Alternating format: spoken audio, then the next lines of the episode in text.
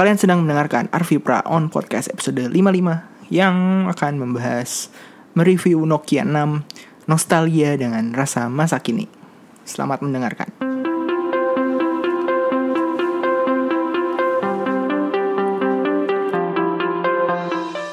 Oke, halo semua, gimana? Hmm, tahun 2018 apakah sudah berjalan sesuai dengan apa yang kalian inginkan? Apakah kalian sudah membuat rencana-rencana yang memuluskan resolusi di tahun 2018 ini? Ya, semoga ini ya apa lancar-lancar aja ya dan uh, terwujud si resolusinya. Jadi uh, karena tidak ada pesan yang masuk ya langsung ke berita jadi uh, berita pertama itu uh, kemarin prosesor Intel, AMD dan ARM um, apa ya ada exploit bernama Meltdown dan Spectre Spectre Spectre itulah yang um, apa ya uh, cukup menggegerkan dunia komputer pada saat itu. Nah, tapi apakah kita harus waspada seperti serangan ransomware kemarin, menurut website pcgamer.com kalian kalian-kalian yang maksudnya yang konsumer biasa nggak perlu takut karena si meltdown dan spectre ini uh, lebih menyerang server-server cloud system gitulah seperti itu jadi uh, si meltdown ini kalau misalkan di komputer biasa cuman dianggap sebagai virus biasa aja. Jadi kalau misalnya kalian rajin uh, scanning virus, rajin maintenance PC kalian, ya nggak nggak akan kena masalah apa pun.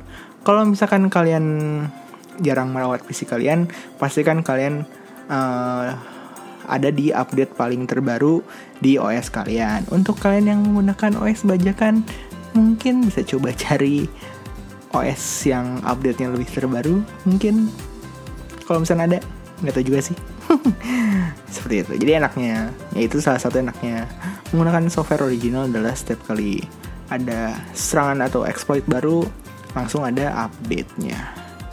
Oke okay.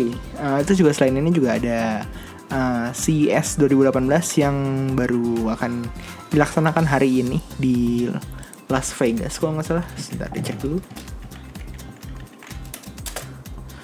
Jadi si S 2018 ini uh, mana ini website? Nah ini websitenya cs.tech. Uh keren banget.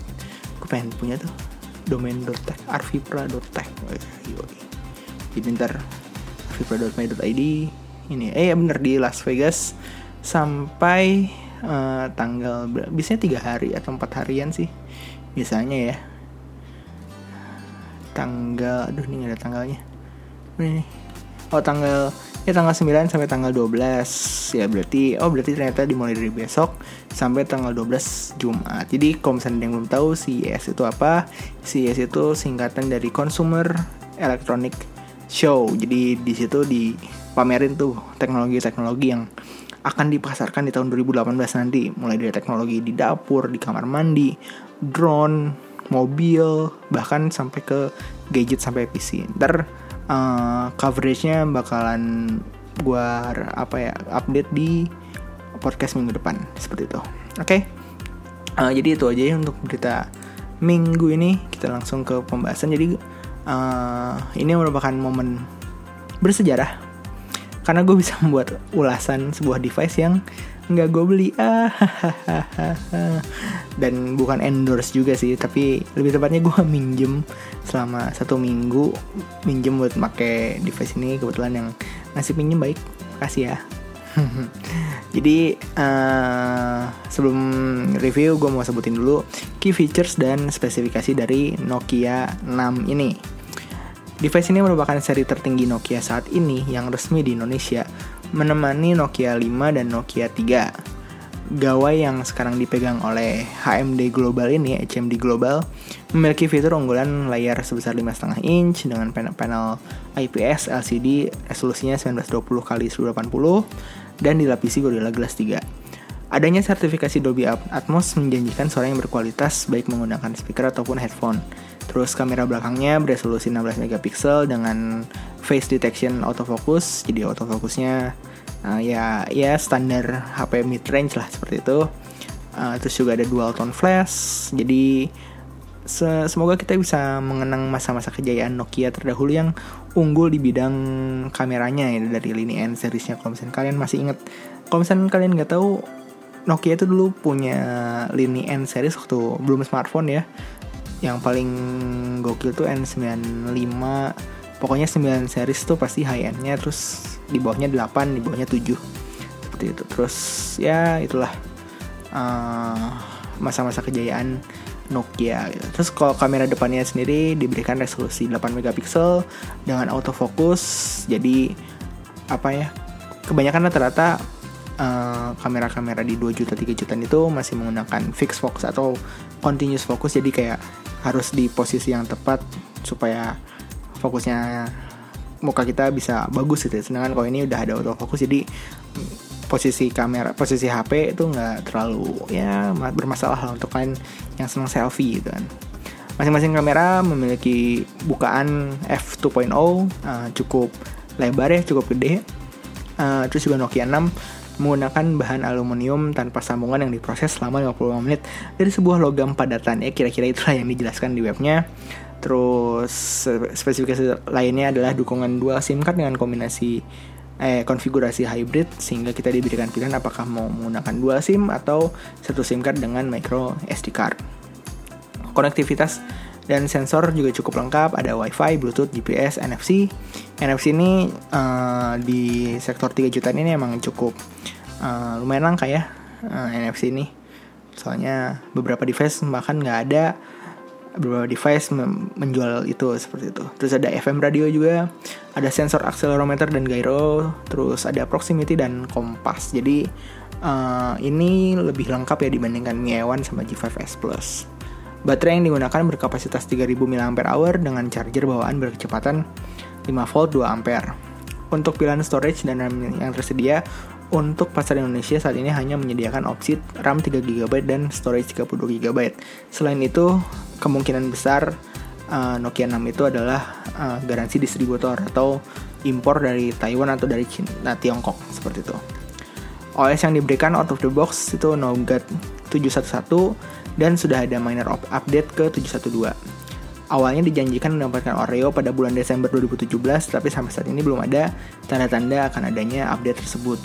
Terus tadi uh, mungkin ada yang ini prosesornya apa kok nggak dibahas prosesornya? Ya, prosesornya menggunakan Snapdragon 430 octa-core dengan clock 1,5 GHz Cortex A53. Oke, okay. dari spesifikasi tersebut, uh, eh, gue berekspektasi, uh, terus juga gue ngeliat website sama dusnya bahwa si Nokia 6 ini menjanjikan fitur multimedia yang oke okay di harga 3 jutaan. Tepatnya di 3,29 juta rupiah. Kemungkinan besar harusnya sih turun ya turun gede sih. Kalau misalkan Nokia aware sama pergerakan smartphone tahun ini tapi ya kita lihat nanti lah layar lima setengah IPS LCD untuk tingkat keakuratan warna yang baik, sektor suara yang dikasih sertifikasi Dolby Atmos dan kamera 16 megapiksel dengan bukaan f2.0. Uh, kira-kira seasik apa sih Nokia 6 ini untuk diajak happy-happy gitu. Nah, berikut ini pembahasannya. Oke, jadi di atas kertas oke okay lah. Bisa kita asumsikan layarnya mungkin biasa aja kalau di atas kertas ya. Lima setengah inch IPS LCD resolusi 920 kali 980. Mungkin itu bisa dibilang sama-sama apa sama kalian itu mah emang standar standar HP 3 juta emang seperti itu. Bahkan daily driver gue juga speknya seperti itu. Tapi setelah gue pakai terutama saat berada di luar ruangan gue ngerasa ini layar Nokia 6 ini beda nih. Lebih tajam warnanya lebih enak dilihat. Terus ada apa sunlight brightnessnya gitu lah sun brightness dan segala macam yang bisa menyesuaikan brightness pada saat kondisi terkena sinar matahari langsung gitu ya terus gue juga sempet pakai nonton buat beberapa film di Hook itu kontrasnya oke okay. uh, eh, apa bisa antara objek tuh nggak terlalu nyaru dan dapat dibedakan walaupun tidak terlalu taj apa menusuk gitu mata si warnanya seperti itu pokoknya uh, overall gue gue sangat menyenangkan sekali untuk melihat layar Nokia 6 setelah gue bisa pas review kan gue kan pakai dua device tersebut kan jadi kayak uh, ini bukan menjelek-jelekan cuman ini ya apa ya gue gue pakai Nokia 6 nih buat di awal tuh gue pakai gue pakai gue pakai baterainya habis terus gue pakai si daily driver gue gitu kan. Nah, maksudnya kayak kayak aduh ini kok warnanya nggak nggak segonjreng Nokia 6 itu kalau kata bang review gitu seperti itu nah untuk kualitas suara uh, eh, gue cukup kecewa. Walaupun suara yang dihasilkan ini oke okay ya nggak apa ya nggak jelek-jelek amat gitu ya. Soalnya dia um, menggunakan speaker yang di bagian bawah dan earpiece untuk menghasilkan nuansa stereo kanan kiri. Nah tapi sayangnya gue nggak ngeliat sama sekali adanya fitur Dolby Atmos yang diiklankan itu yang di apa ditampilkan di dus dan di website yang gue cek di pilihan setting itu cuman pilih apa opsi Dolby Surround gitu kan. Dan di Dolby Surround ini pun customisasinya minim banget cuman ada pilih dua pilihan dikasih dua pilihan yaitu music mode sama theater mode gitu kan. Tanpa ada pengaturan equalizer sama sekali. Nah uh, ya awalnya gue cobain aja nih kira-kira apa sih bedanya music mode sama theater mode? Setelah gue coba uh, untuk perbedaan dua mode ini yang gue rasakan adalah di music mode itu suara yang dihasilkan itu cenderung fokus dan detail gitu. Jadi kayak nggak ngelebar banget nggak nggak nggak tumpah lah seperti itu. Sedangkan pada saat theater mode um, dia apa ya membuat suaranya tuh lebih surround lebih lebar gitu kan. Gainnya juga dibikin cukup tinggi uh, buat kalau misalkan apa nonton bareng berdua gitu di si device ini jadi suaranya tercover untuk dua orang itu gitu, seperti itulah kira-kira gitu kan. Cuman ya masalahnya ya tidak sesuai seperti yang dijanjikan Dolby Atmos di iklan dan di di apa di dus itu di web dan segala macam. Terus udah bahas ke kameranya kameranya sendiri gue bisa bisa gue bilang oke. okay. Gue sempat bikin polling di Instagram dan sekitar 60% lebih memilih foto hasil Nokia 6 dibandingkan perangkat yang gue adukan gitu seperti itu. Buat gue sendiri karakter dari fotonya tuh bisa dibilang jujur uh, saturasi sama kontrasnya dibuat cukup nggak berlebihan. Mungkin uh, si Nokia juga ngelihat tipikal layar yang dipakai adalah yang kontrasnya cukup. Jadi nggak perlu hasil kameranya jangan terlalu dibikin over karena mungkin ntar jadi over terlalu berlebihan dan dari segi pewarnaan dan segala macem.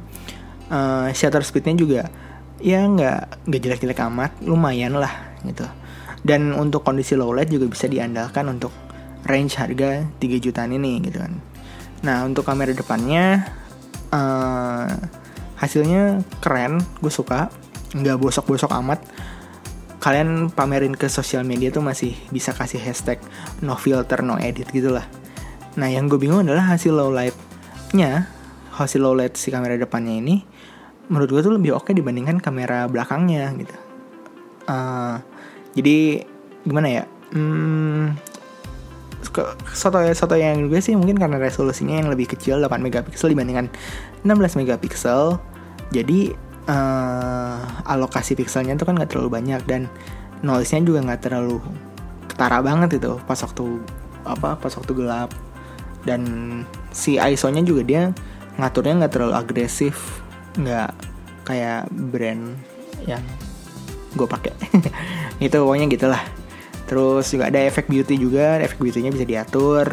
Uh, mau yang ada 20 pengaturan lah 1 sampai 20 bisa diatur efek beautynya. Dan ya lumayan sih. Nggak terlalu dempul-dempul amat. Pas waktu ini tapi maksudnya tetap tetap apa kayak koreng-koreng gitu hilang gitu. Cuman nggak nggak nggak nggak kayak full make up mau kondangan gitu. Kayak gitu. Itu. Terus untuk sektor video recordingnya sendiri hmm, nggak hmm, bagus-bagus amat. Nggak karena nggak nggak adanya fitur stabilization gitu ya baik elektronik ataupun optical. Jadi uh, kalau misalnya kalian tremor gitu tangannya atau apa nggak punya gimbal jadi ya hasil kameranya pasti shaky gitu nggak apa ya nggak nggak smooth lah nggak smooth. Kayak gitu.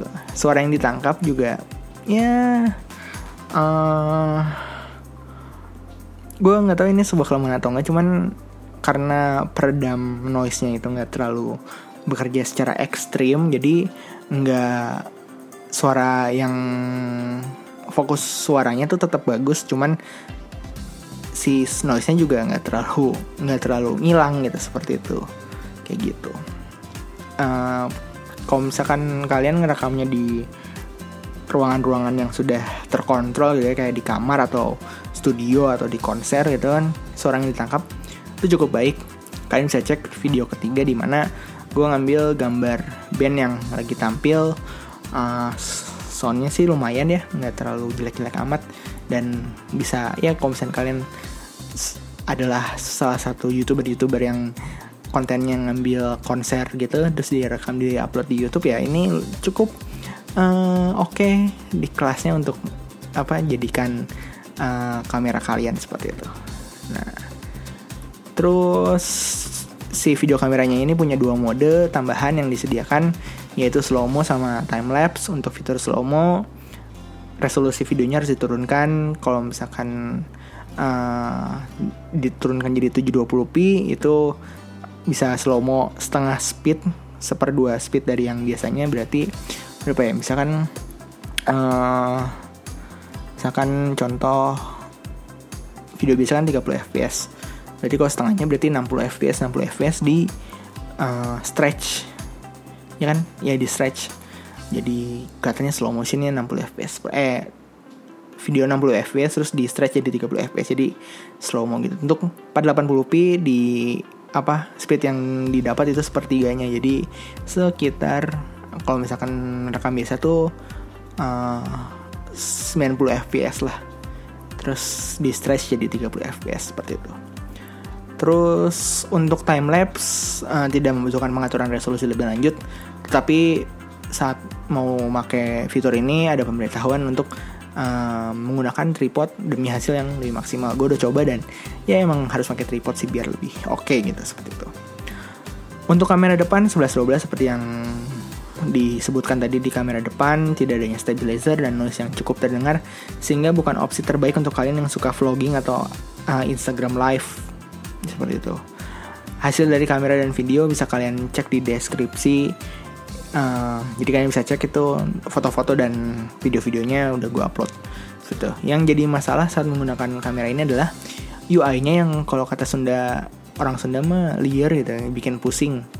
Karena shortcut yang diberikan tuh minim Terus perlu ngulik-ngulik lebih jauh untuk mengetahui cara menggunakan mode manual misalnya seperti itu. Kabarnya UI kamera nanti di Oreo itu akan diganti jadi UI kamera dipasok tuh di Lumia Windows Phone kemarin itu kan. Semoga saja isu ini benar-benar terjadi. Oke. Okay? Uh, eh, selain dari pengujian fitur-fitur kunci tadi, fitur-fitur pendukung yang diberikan menurut gue biasa aja dengan penggunaan standar seperti sosial media, browsing, dan sedikit multimedia, dengerin lagu, nonton video, dan main game, usage time bisa mencapai 14-19 jam.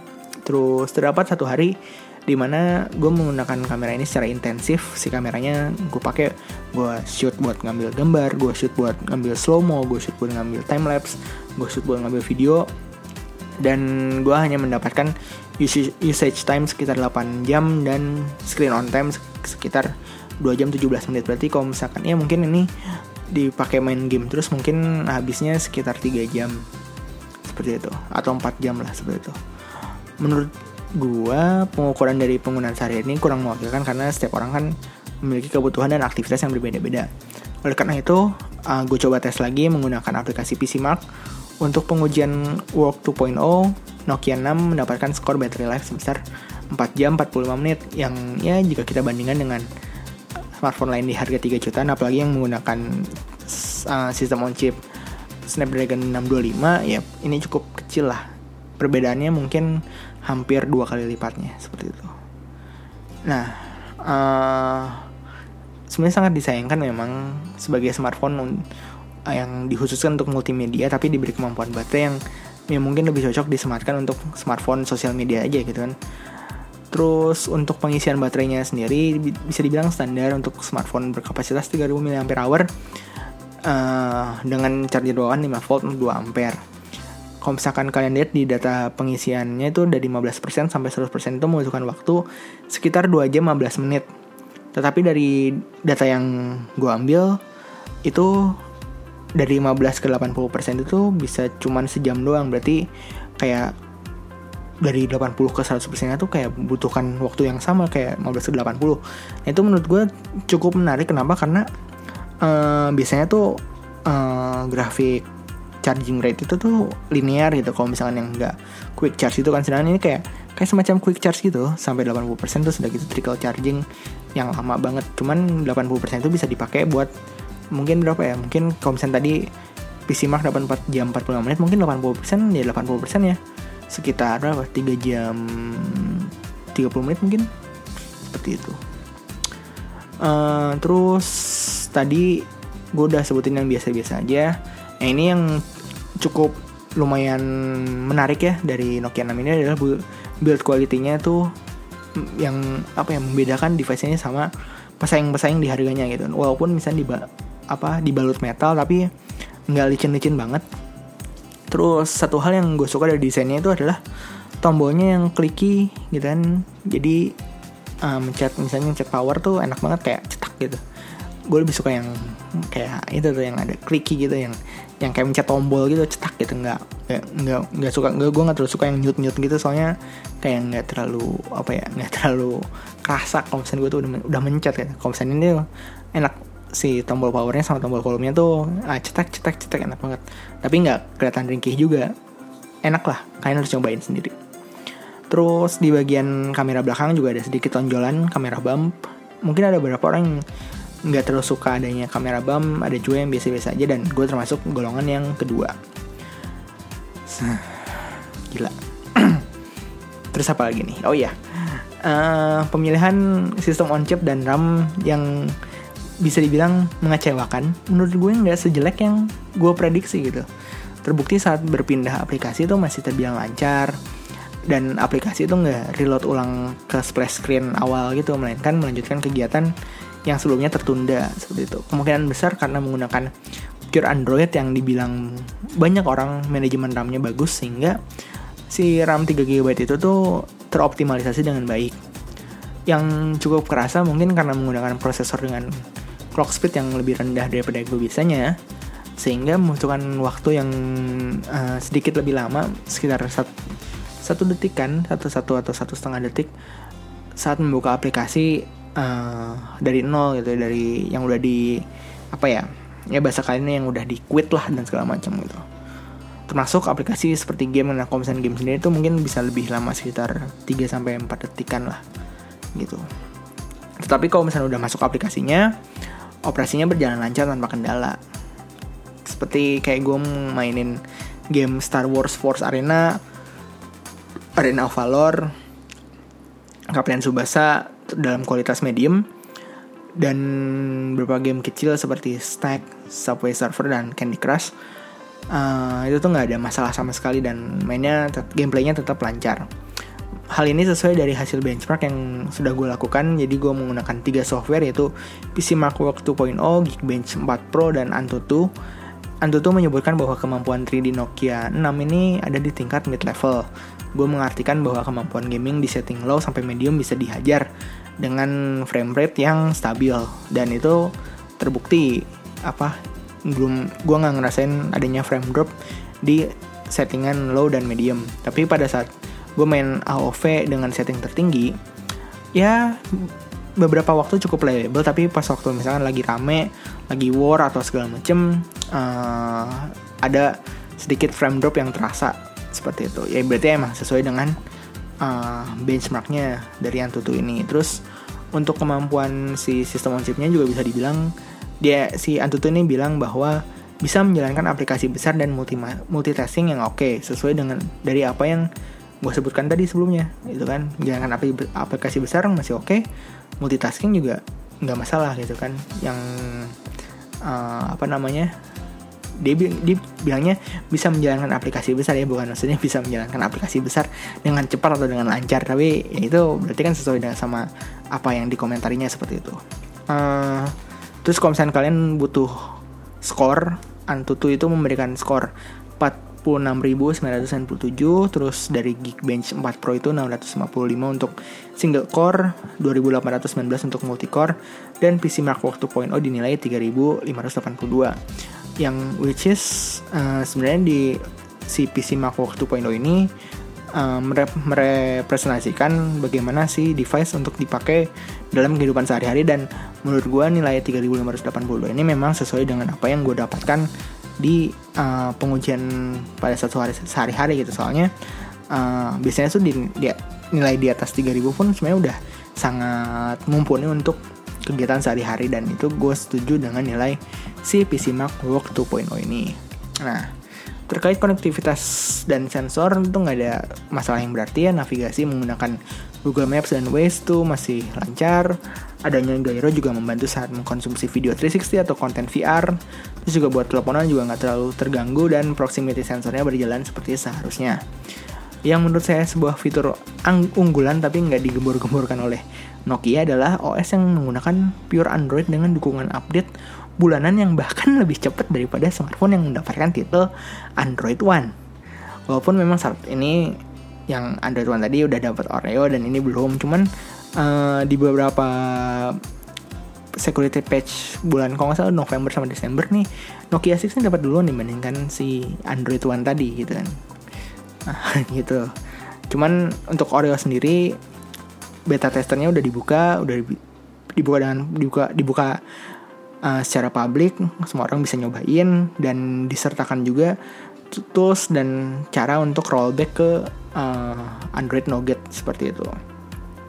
Memang nggak semua orang suka dengan pure Android, tapi jika kalian tahu pengguna pure Android ini juga sama militannya seperti brand kelinci sebelah ya dan seperti itu. Jadi uh, kalau sebenarnya gue dulu pernah bilang kalau misalkan lu udah nyaman menggunakan stok Android, lu bakalan tetap memilih stok Android di mana pun dan lu ganti HP pun lu pasti ini gimana caranya biar bisa mendapatkan uh, apa experience stok Android seperti itu. Oke, kita masuk ke kesimpulan. Jadi Nokia 6 ini bisa jadi pilihan buat kalian yang suka mengkonsumsi multimedia di smartphone walaupun ada beberapa sektor yang uh, menurut gue belum maksimal tapi kemungkinan besar itu hanya kendala di software dengan dukungan update bulanan dan ke depannya akan dapatkan Oreo seharusnya bisa diperbaiki segera.